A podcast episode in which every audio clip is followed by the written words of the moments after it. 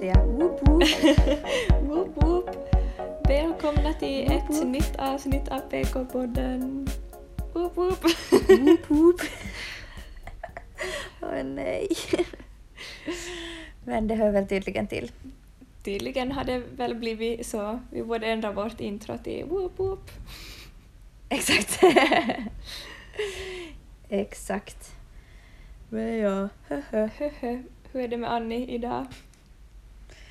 Annie är lite trött och lite kall för jag har inte orkat få duschen efter att vi har varit och skida och då när man nu har svettiga kläder så då får man kallt. Så är det. Och sen av samma orsak är jag väl trött. Men jag tror jag ska baka kladdkaka. Åh, vad gott! Nam! Yay. Och jag blev jättesugen på, kladdkaka nu. Ah.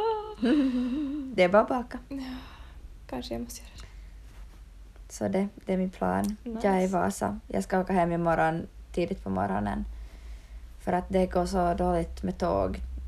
Tack till corona. Corona! Så det, ja, jag åker imorgon på morgonen istället för att idag är det jättelånga byten på alla och det skulle bli jättestressigt. Så Mm. imorgon ska jag hem.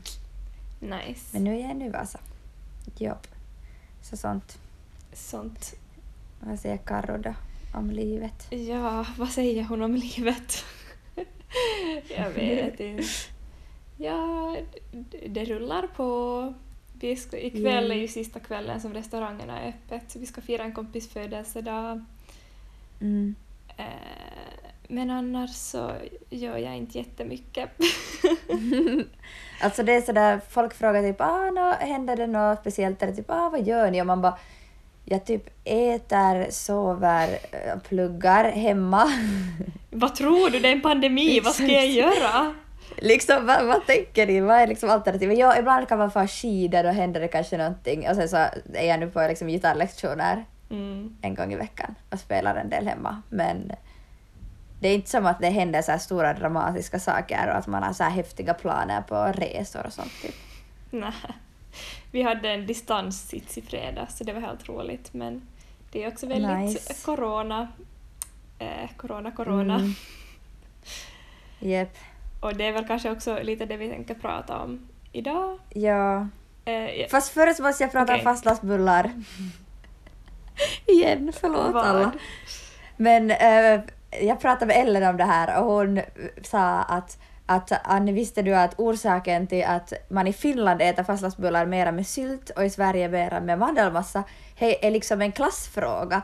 Att mandelmassa har varit så mycket dyrare än sylt, så i Finland har, har liksom så här vet du förr i tiden så har alla haft ändå någon slags sylt så man har kunnat laga fastlagsbullar med sylt men alla har inte haft tillgång till mandelmassa för det har varit dyrt. Så därför så är det som en mycket större att äta mandelmassa med sylt i Finland för att det har som varit fattigare här än i Sverige. Så då är du en snobb för att du tycker om mandelmassa.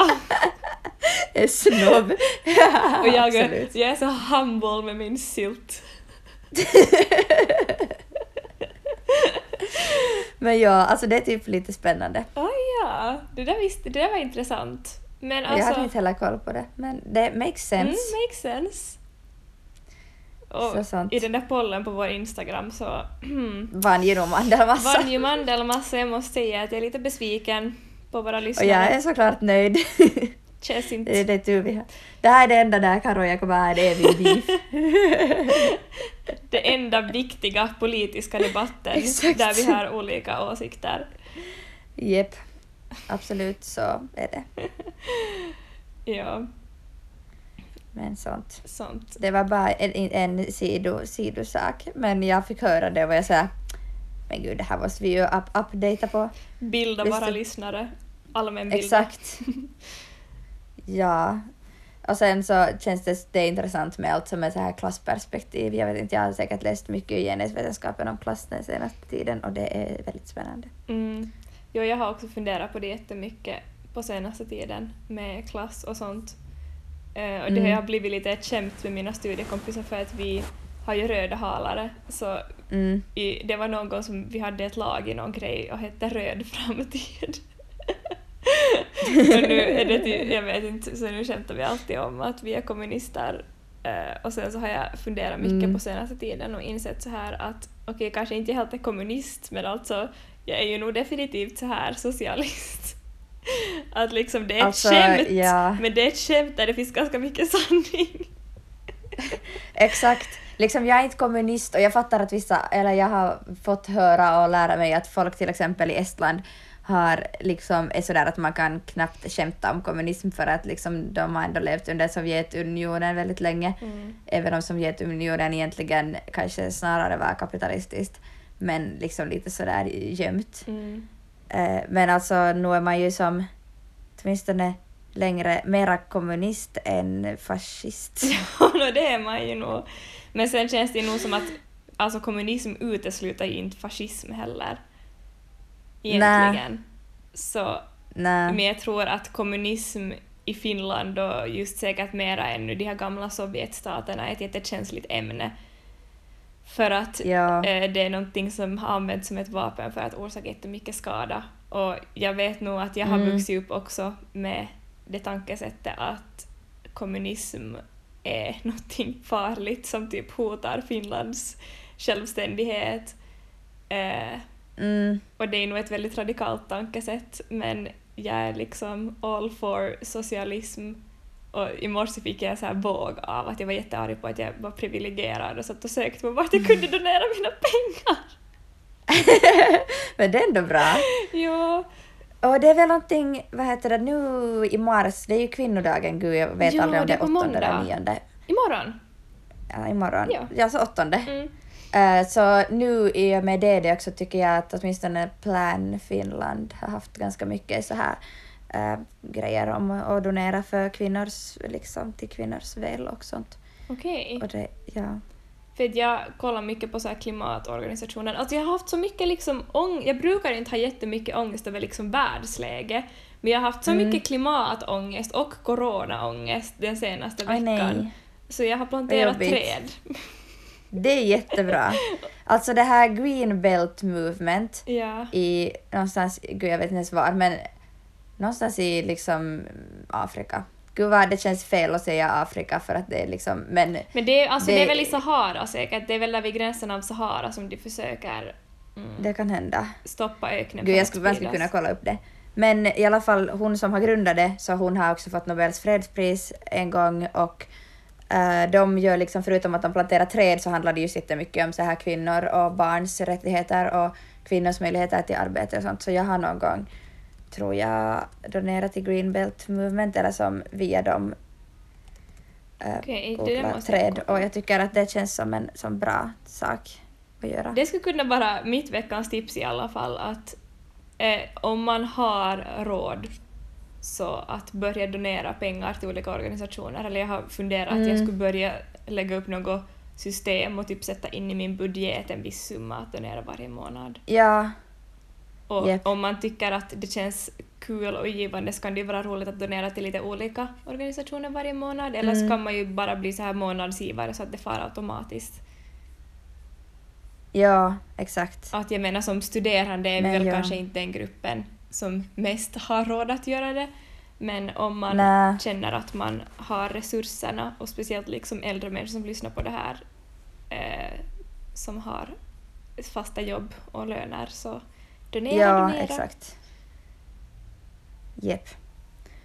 Och det är bra, det finns jättemycket just, det är i Kenya Okej. som de håller på Green Belt Movement tydligen.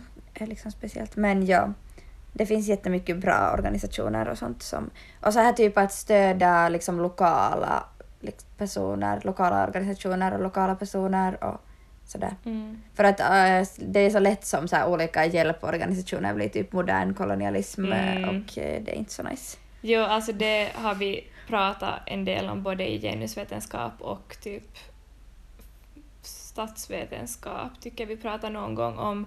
Men just mera det med så här välgörenhetsorganisationer, att det är jättebra att det finns men man vill ju inte att samhället Mm. ska gå över till en sån slags modell att man inte betalar några skatter utan bara betalar liksom pengar till välgörenhet på något sätt istället. Jag tror att, det kallar, att den Mm. modellen kallas för typ så här välgörenhetssamhälle.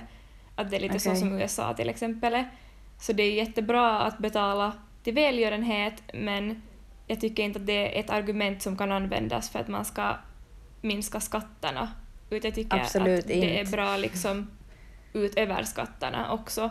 Mm. Ehm, Och kanske det också handlar just om att personer som är mer privilegierade kan göra det. Liksom, Mm. de, så här, det finns ju situationer i livet när man betalar mer skatt än vad man utnyttjar skattepengar och sen finns det situationer där man utnyttjar mer skattepengar än vad man betalar skatt som till exempel just när man är studerande eller om man är liksom långtidssjuk eller någonting. Eh, så då, liksom, då när man hör till den tiden där man betalar mer skatt än vad man kan utnyttja så då kanske man också har möjlighet att liksom betala ja, liksom till välgörenhetsorganisationer. Men när du liksom är den som ska få hjälp av skatterna så då är det inte som att man heller måste känna att man behöver liksom betala till välgörenhet. Liksom. Eller jag vet inte, jag tänker att skatterna ska som ändå eh, trygga den här grund, liksom välfärden med ja, allt möjligt som hör till det. Mm, ja. Ja, det skulle vara intressant i något avsnitt att prata just om välgörenhetsorganisationer och modern kolonialism Mm. och sånt. Att det är jätteviktigt. Och bara hur tanken på att på hela liksom välgörenhets, eller inte hela välgörenhetskonceptet men en stor del av olika så här vi åker och utbildar folk Mm. eller så där och hur vi typ pratar om så här liksom eh, ja vad heter det, third world countries och sånt. Utgår vi ifrån att liksom det västerländska systemet är det som är korrekt fast det inte, vi vet ju inte, eller liksom ja. Vem säger att det är just det som är korrekt? Liksom, det finns så mycket Exakt. annat. Vi är bara... Liksom, vi bara tror att vi är bättre än alla andra. Och sen i själva verket typ så här väst bara kolonialiserat ställen och tagit bort deras rätt att liksom uttrycka typ kön. Till exempel jättemånga ställen har haft liksom mer än två kön. Mm. Eller som, och så här större, olika bredare sätt att uttrycka kön och sen har väst bara kommit dit och så ah, nej vi har kvinnor och män och alla är heterosexuella. Okej, inte vet jag helt men det känns lite så. Ja. ja, men det, det känns som... Ja, det är ett viktigt ämne att tänka på och läsa om och vi borde kanske prata Mm. om det någon gång. Ja. Men idag har vi tänkt prata om eh, så här psykisk hälsa främst under corona. Mm. Alltså det var lite roligt, när vi planerade det här så var vi sådär att åh spännande, sen i mars kanske det är annan coronasituation, vi får se hur det blir och nu är man sådär det är typ värre än det någonsin har varit i Finland. Yes. Shit really hit the fan. Exakt, så nu sitter vi här och från och med imorgon är det rekommenderat att man träffar mest, som mest sex personer Mm. och i allmänna sådana människosamlingsträffar är det förbjudet att vara fler än sex personer på många ställen. Mm. Inte i Jyväskylä, men på andra ställen. Ja, Nej men, och jag vet om man känner att den här situationen känns jättejobbig och tung och så här så kanske inte det här avsnittet är jättebra att lyssna på. För det känns som att vi kommer prata om ganska jobbiga saker så om man känner att man Mm. redan är liksom in a dark space så kanske man ska stänga av nu. Japp. Men samtidigt försöker vi såklart göra det på ett så här, jag vet inte, sätt som ändå kan vara givande. Mm. Typ som när min terapeut bara Hej Annie förresten det stod en sån här bra artikel i Hesari att läs den att det är många andra som också är helt pihalla och man bara okej. Sen så då var man ändå sådär att läs den så kan du relatera till andra som känner sig lost och ensamma och trötta i coronasituationen. Mm. Så det kan ju också vara en bra sak. Jo, Men ja, om det är exakt. jobbigt så är det kanske inte Att det, värt att lyssna. det beror ju på liksom. Om man känner att det kan hjälpa att höra så ska man fortsätta lyssna. Och jag tycker Japp. också att det känns som ett jätteviktigt ämne att prata om för att som vi pratade om före vi började spela in att många känner sig jätte liksom kanske ensamma och mår dåligt Mm. och förutom det så känner de sig också jätteensamma i den situationen och liksom, ja, bara överlag jätteensamma. Och Mm. det känns som en jätteviktig sak därför att ta upp för att jag tycker att överlag ensamhet känns som ett jättetabubelagt ämne att prata om. Jepp, och det påverkar människor jättemycket på jättemånga sätt. Mm. Men ja, alltså så det, det är ju nog helt logiskt men den här coronasituationen har ju kort och gott sagt fucka upp väldigt många ungas psykiska hälsa. Ehm, Mm, mm. Att till exempel en artikel från Svenska Yle eh, skriven av Ann-Charlotte Åkerholm Hopplöshet och mörka tankar ökar till följd av coronapandemin. Och sen citat, vem ska orka ta hand om min flicka om jag blir ännu tröttare? Slutcitat. Ehm, Mm. Och den var publicerad den 24 i 9 2020 så det började vara ett tag sedan, inte kanske jättelänge sedan.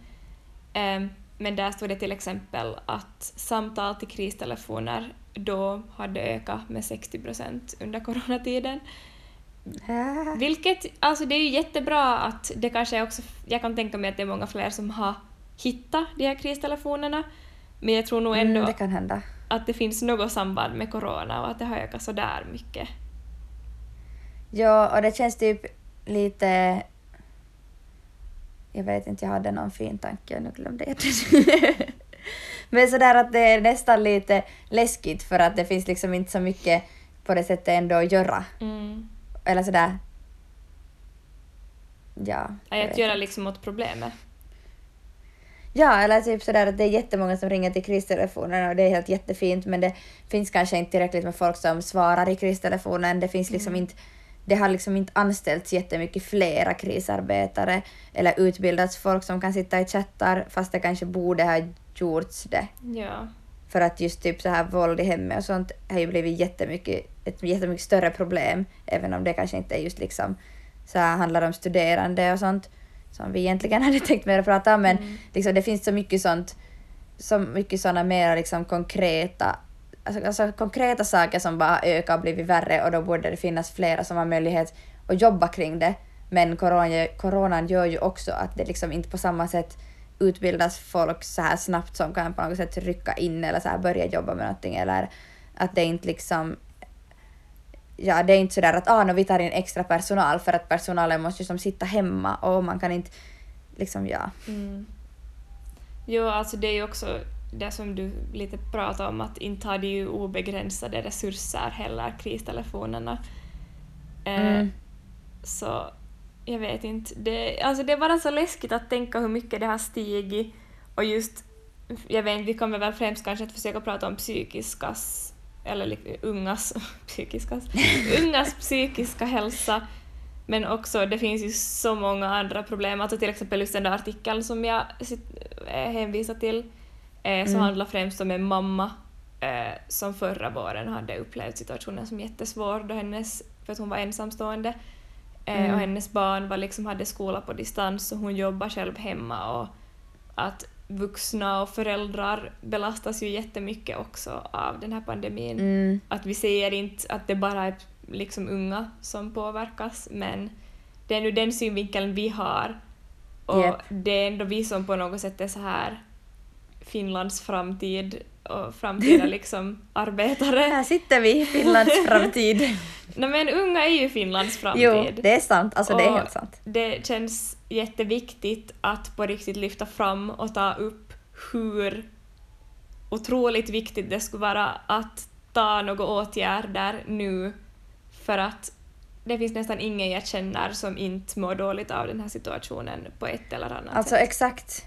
Jag upplever typ samma för att jag har ganska länge varit sådär också mycket av mina kompisar varit såhär att "Nå, det är helt kiva att vi har kiva studier. Och Mm. liksom det har ändå varit sådär att det har funkat helt okej. Och sen nu på något sätt efter årsskiftet är liksom allt det känns som att alla är bara sådär att jag får ingenting gjort. Och det här är liksom alla har corona och liksom någon är sjukskriven för att det, hon är liksom utmattad och ja, det är bara på något sätt känns som att okej, på många sätt så håller det nog ihop sig ganska bra och till exempel jag har nu ganska bra liksom så förutsättningar ändå och sådär, men att det är som ändå en jättestor skillnad jämfört med hur det har varit liksom tidigare för att det har gått så lång tid och man har inte liksom den här naturliga kontakten och liksom den trygghet det kanske också medför. Mm.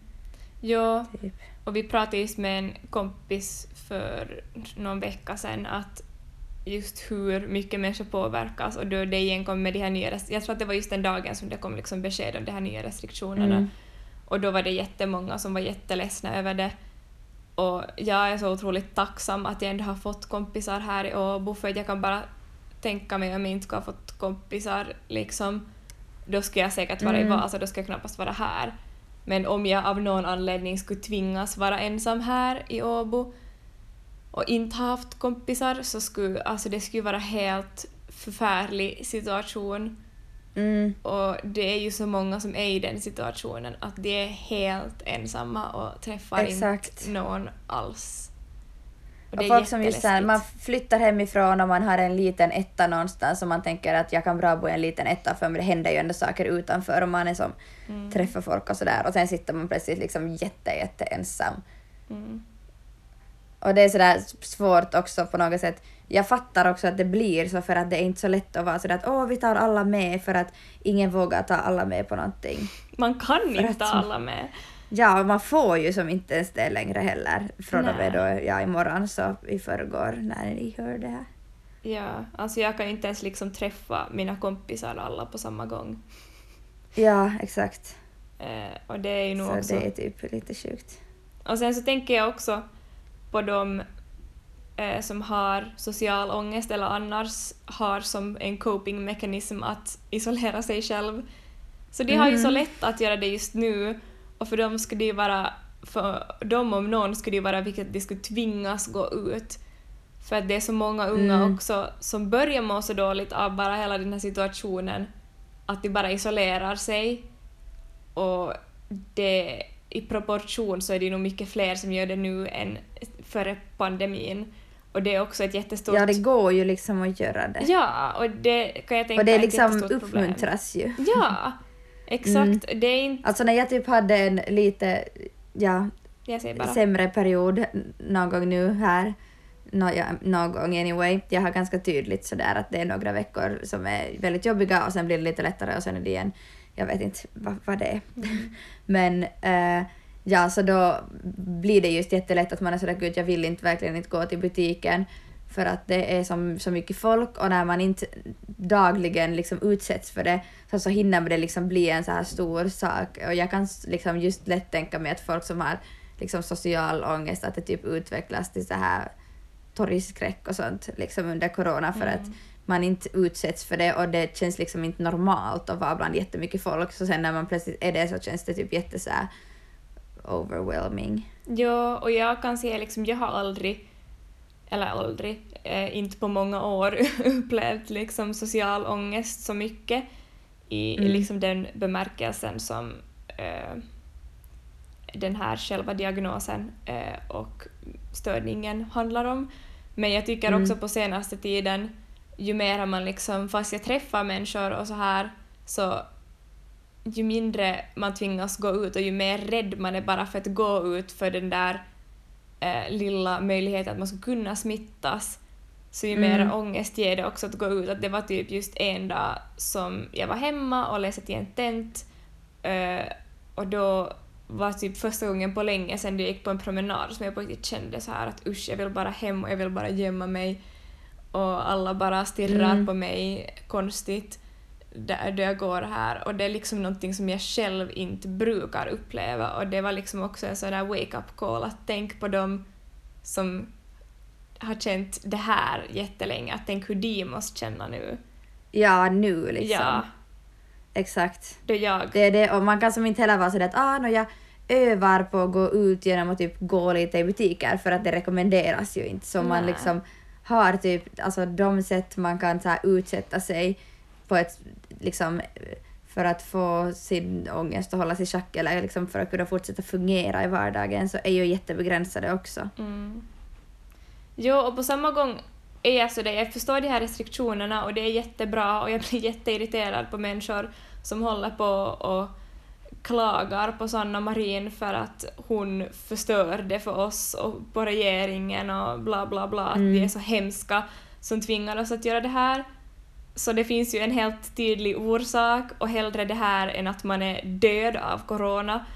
Eh, men jag Mm. tycker att det borde sättas mycket mer resurser på att unga på att ungas psykiska hälsa ska hjälpas Mm. och främjas för att man kan inte bara sätta restriktioner och inte sen göra något annat för det här är på riktigt ett enormt problem. Det är inte bara ett problem som påverkar liksom enskilda personer, det här kommer påverka hela samhället och det känns som att många vuxna politiker kanske inte inser det.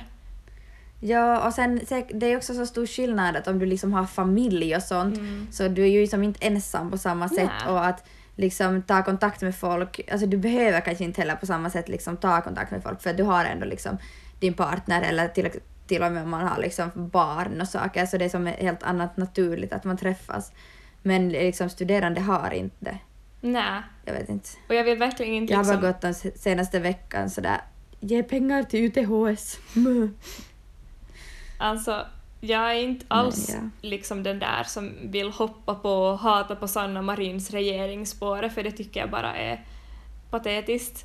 Men Mm. jag vill ändå på något sätt så här lyfta fram att jag tror att det handlar mycket om att man inte tänker på det och förstår och jag tror att det kanske nu börjar lyftas upp mera vilket är jättebra. Men det finns uppenbarligen ett Mm. problem och det kan inte fixas med att öppna upp för att det finns corona eh, och det behöver sätta mera, sättas mera resurser på att på något annat sätt i så fall motverka det här problemet för att så här kan det inte hålla på. Ja, exakt. Alltså jag håller med. Och det känns som att det har varit så jättemycket tal typ om så här gymnasierna, att oj, de måste nog få komma tillbaka i närundervisning och allt. Och sen, okej, nu om jag generaliserar lite så är det ändå fler i gymnasier som till exempel deltar i olika sorters ledda hobbyverksamheter. Mm. Så att då kanske du ändå träffas, och det liksom finns flera ställen där du träffar folk medan på högskolorna så det är annars också mycket mer självständigt. Folk bor inte längre hemma i lika stor... Alltså, ja, folk bor inte hemma och ja, det finns folk i gymnasiet som inte bor hemma men det är ännu vanligare att bo hemma i, Mm. när du studerar på högskola. Och liksom sen är det sådär, det känns som att folk inte ens pratar om det. Och då är det ändå jättemånga, till exempel på min eh, fakultet, och, eller inte hela fakulteten men åtminstone, gud jag frågade pappa vad Laitos var på, på svenska och nu kommer jag fortfarande inte ihåg det.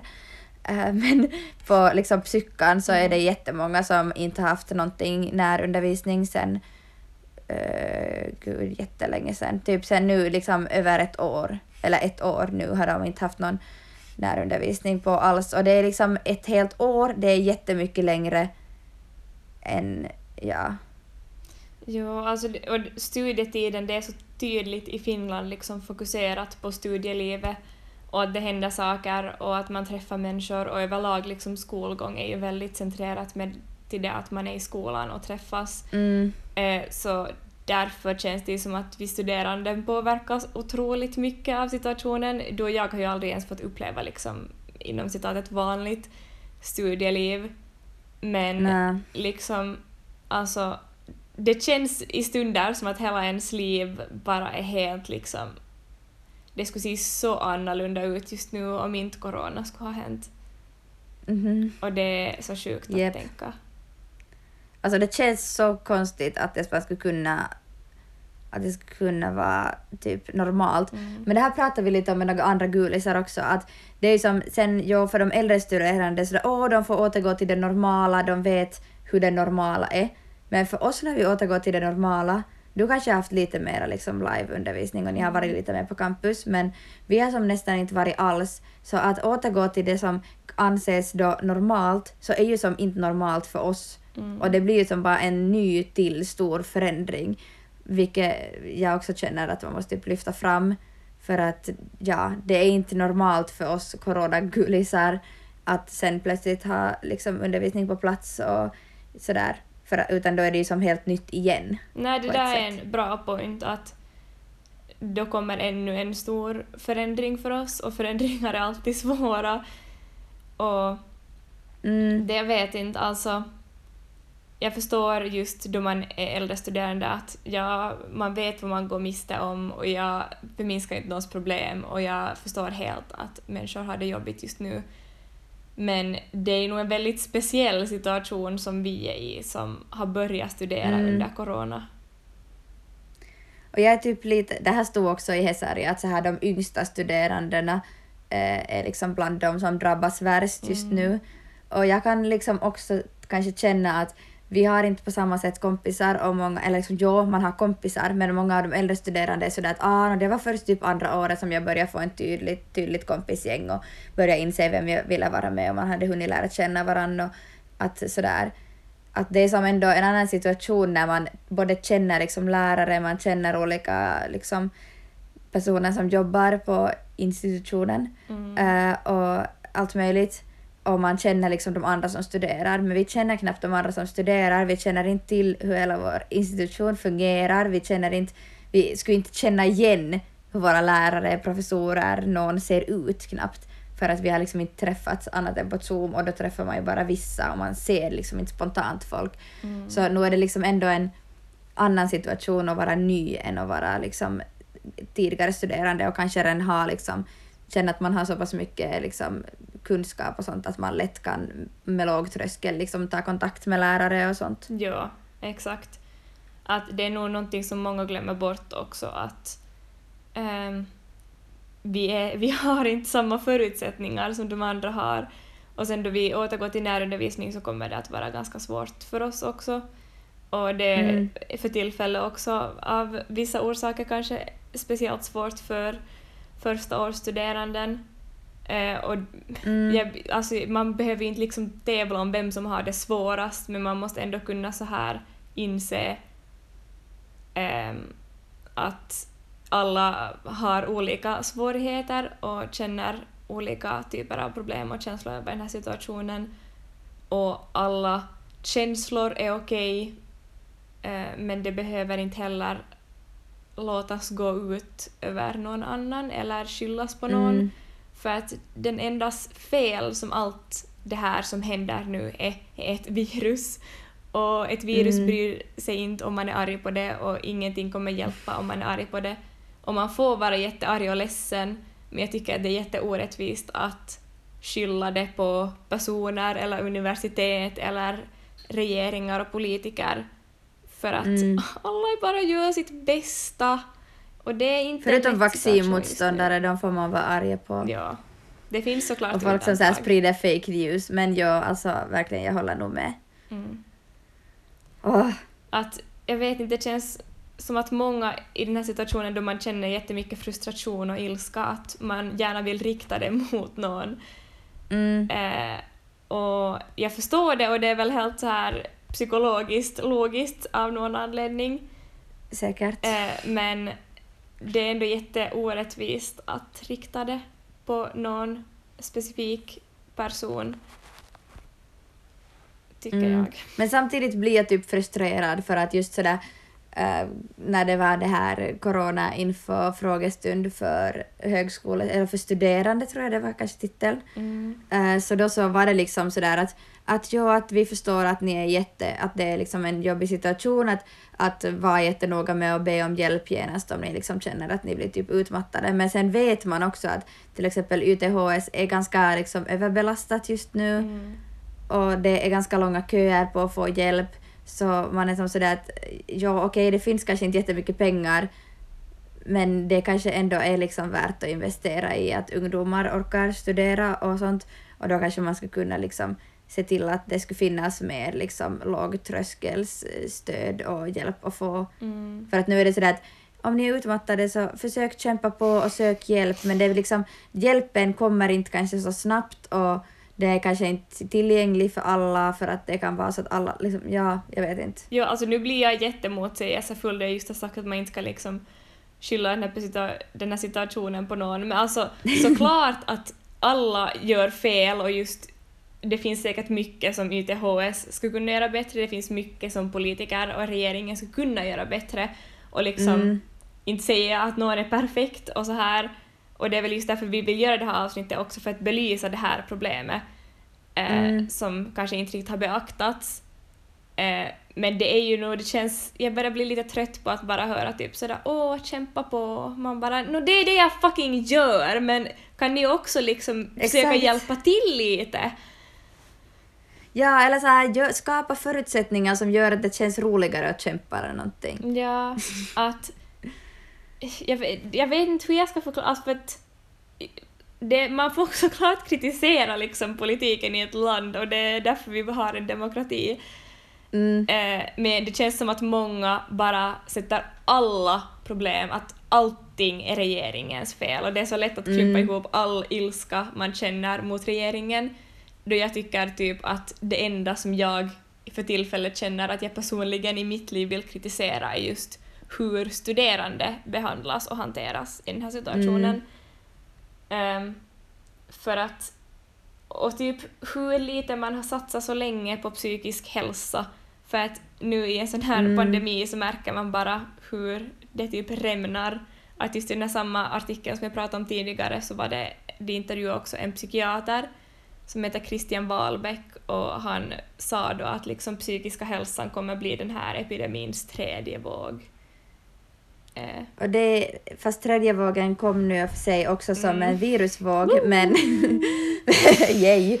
Men ja, alltså jag tror också att den är som ändå mycket mer långtgående. Alltså just, uh, vi nämnde ju lite att det från, eller nämnde vi ens här? Nej, det gjorde vi kanske inte, men när vi pratade innan mm. Uh, så pratade vi om att liksom just från själva corona kan det komma följdsjukdomar och man kan få liksom sånt som att det här liksom på något sätt får saker att bryta ut. Och det är ju samma med psykisk hälsa, att en sån här händelse kan få liksom just så här typ depression och ångeststörningar och sånt att bryta ut och det fast pandemin går över så kan det ta jätte, jätte, jättelänge mm. äh, att liksom återhämta sig om man har blivit utbränd eller att liksom lära sig, lära sig tillbaka från liksom just en ångeststörning, att kunna liksom på något sätt igen fungera utan att det begränsar ens vardag.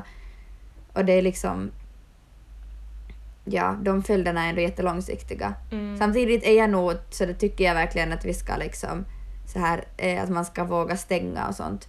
Men att det är liksom på något sätt värt att lyfta fram och hålla framme och liksom fokusera på att det måste också samtidigt finnas sätt liksom att, att uh, skapa liksom utrymmen för att, att hitta stöd hos varandra och mm. just olika, alltså för många går i typ terapi över internet. Man kan ha jättebra så här stödsamtal helt via videosamtal och sånt. Så jag vet inte, jag tycker typ att det är sånt att man kan liksom jobba ännu mera med sånt just nu. Jo, alltså... Och också helt för att hjälpa liksom, studerande med typ konkreta grejer kring studierna för att det är inte så lätt att få det att fortsätta fungera. Känns, alltså det här är ett jättekomplext problem så det är också komplext att försöka, försöka liksom formulera sin åsikt och så här. Mm. Men just som du sa, att det är inte det vi vill sitta här och liksom skita på att politiker stänger ner Finland för att titta på situationen, förlåt, men det är det som behöver göras just nu.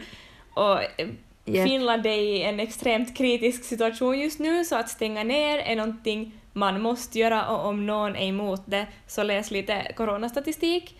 Um, men mm. man kan göra annat, eller man kan liksom ta åtgärder på andra sätt än att människor träffas fysiskt eh, för Exakt. att påverka ungas psykiska hälsa, till exempel sätta mera pengar på psykisk hälsa i Finland. Eh, och jag menar, det finns ju kanske inte jättemycket så här quick fixes som man kan göra för stunden. Nej. Um, men ja, jag förstår också att alltså, många... Alltså jag känner... Ja, säg bara. Jag känner typ lite att man skulle, att det här, att det nu blir också tydligt att om man skulle liksom lärt personer om så här självmedkänsla. Mm. Alltså självmedkänsla, eh, kanske när man studerar psykologi blir man lite trött på det emellanåt för vi pratar väldigt mycket om det, men det är jätteviktigt och mm. om man liksom skulle ha liksom på något sätt extra resurser själv, alltså sådär att man själv ligger på plus, att man liksom vet hur man kan främja egen psykisk hälsa och man vet hur man kan jobba med självmedkänsla och liksom sådär. Så då, skulle man också, då klarar man sig också bättre i en mm. liksom, krissituation som en pandemi kanske ändå är. Mm. Så att ja, det, på något sätt lyfter det här tycker jag också delvis fram hur mycket man behöver jobba helt i liksom vardagen och hur mycket mer man behöver i gymnasiet prata om liksom, hur man kan lära sig att liksom utnyttja sin egen mentala styrka liksom, och så där, utan att pressa sig på ett dåligt sätt. Och liksom, hur man kan lära sig att ta hand om sig och förhålla sig till olika krävande situationer och svåra känslor. Ja. För att det är ändå liksom, känsloskills skulle ju alla ha nytta av nu och ha liksom mer än det som krävs för att klara sig i en vanlig vardag. För att nu, det här är ju inte vanligt. Liksom. Nej, alltså det här, den här pandemin lyfter väl fram så tydligt hur viktigt det skulle vara, som du sa, att börja, jag tycker än i lågstadiet, att man skulle kunna börja högstadiet prata om psykisk hälsa och just självmedkänsla och lära sig om ångest och depression och att det är ganska normalt och hur man kan motverka det och så här. Eh, mm. För att det märks så tydligt att vi och generationer före oss och ännu säkert generationer som idag går i skola, jag vet inte exakt hur utbildningen i lågstadiet och högstadiet ser ut för tillfället, men vi har inte lärt oss det and it's showing!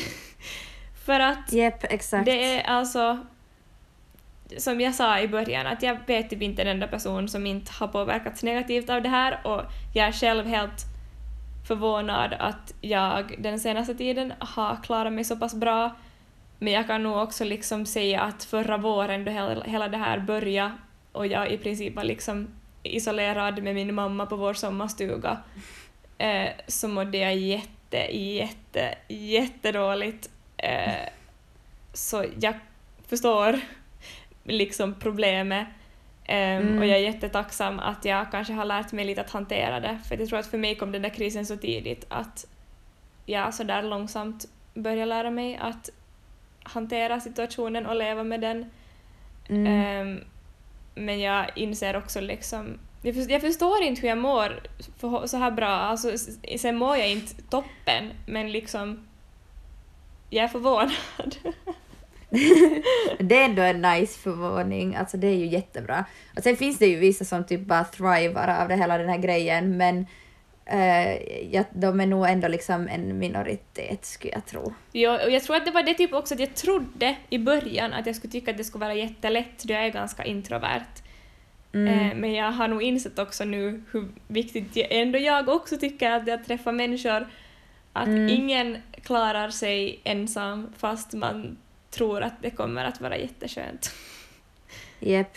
Och jag är sådär liksom, för mig känns det typ knappt som att det liksom räcker att jag får träffa människor för jag är ändå hela tiden lite orolig och lite stressad. Mm. Och jag bara längtar efter att man ska slippa hela tiden känna att man måste ta jättemycket ansvar och liksom känna dåligt samvete så fort man gör saker och att man måste förklara sig hela tiden och att man skulle slippa vara orolig och behöva fundera tusen gånger. Att bara liksom det skulle ändå liksom minska så här psykiska belastningen. Mm.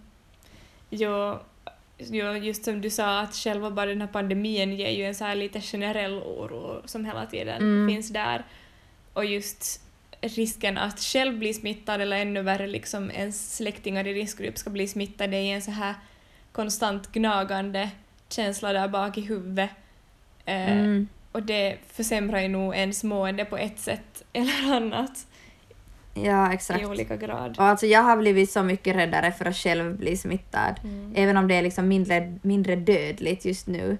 Så jag har varit tidigare typ sådär, ah, det är ingen fara med mig, att det enda så är, är att jag har tänkt att jag inte skulle klara av en liksom, karantän, men nu är jag sådär att okej, okay, jag ska säkert klara av en karantän, men tänk om jag liksom för resten av mitt liv sen skulle ha liksom typ på få någon men eller någonting och jag är bara sådär äh, hjälp, corona. Mm. Men ja. Jo, alltså. Sen har ju många det utan liksom, farliga symptom men det känns ändå typ läskigt. Mm.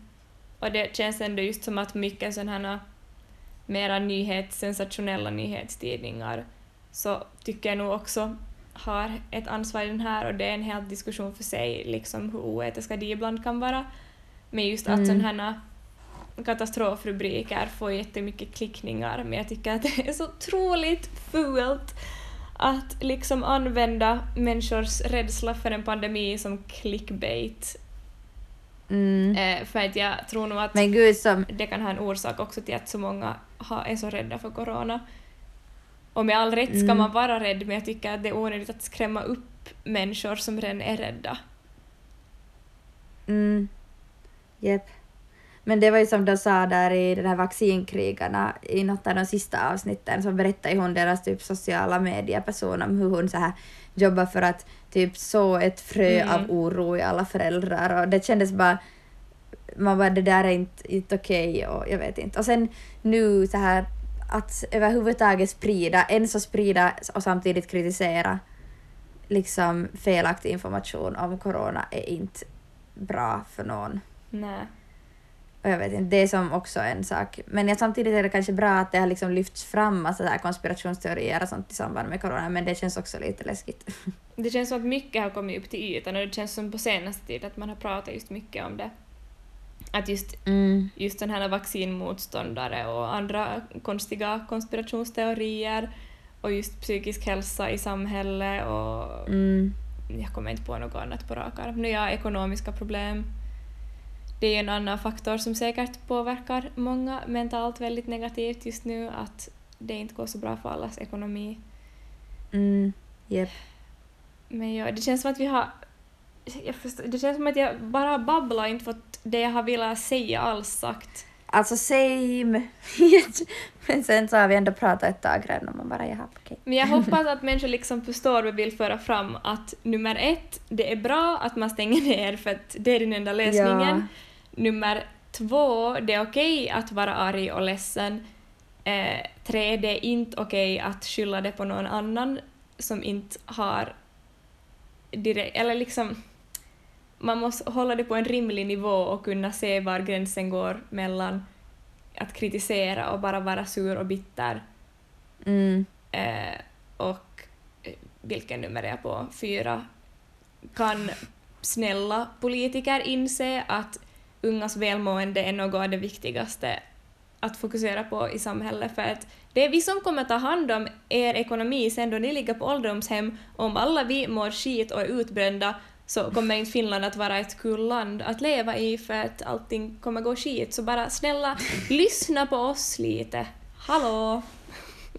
Hallå! Exakt. Ja. Och sen sådär att tänker jag typ att gör ett, alltså att, att eh, nu är en jättebra tid att göra just vad som helst som får dig att känna att du gör någonting som du gillar eller får dig att känna att du tar hand om dig själv. Liksom så här bara allt som är, hur cringy det än är så liksom så här, man får väl göra vad man kan nu.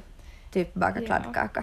Namn. Och jag känner att en sak som i alla fall personligen för mig har hjälpt mig genom mycket är liksom att göra saker som jag alltid har velat göra men aldrig haft tid att göra. Mm. Eh, och det får mig att på samma gång känna mig jätte så här glad och nöjd att jag äntligen får göra alla de här sakerna som jag så länge har velat göra. Att till exempel så har jag hunnit mycket mera läsa böcker och jag har hunnit börja läsa Mm. Och lära mig om konsthistoria och om modebranschen och mode, vilket jag älskar. Eh, och jag har börjat sticka Mm. och laga god mat. Eh, att det finns mycket roligt man kan göra hemma också. Måla. Jep.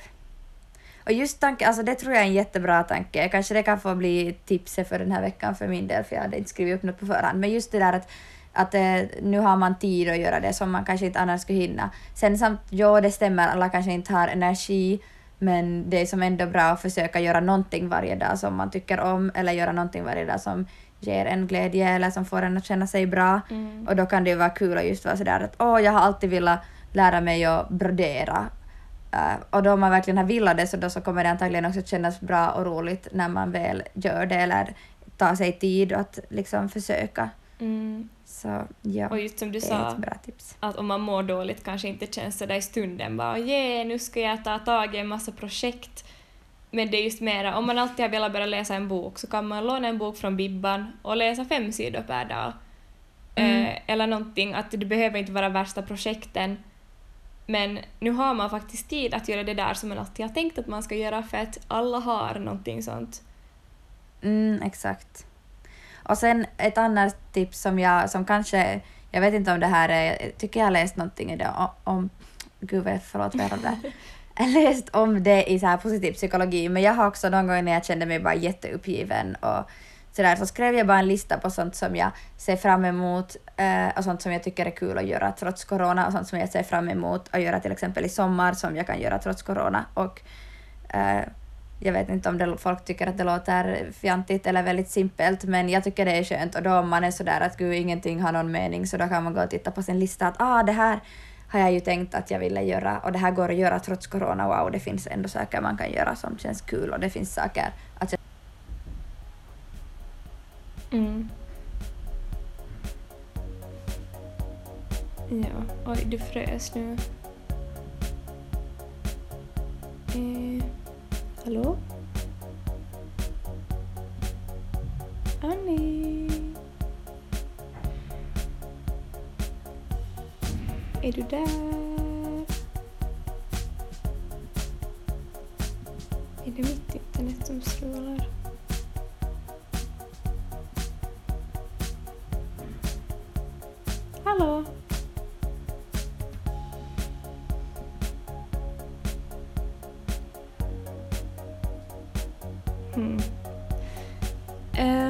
verkar som att det har brutits. Eh, Annie försvann. Men ehm, vi var ändå kanske klara med dagens avsnitt eh, och det känns som att vi slutar nu på lite positivare sätt så det känns bra i alla fall. Ehm, men ja, det var allt för idag. Vi hörs nästa vecka. Hej då!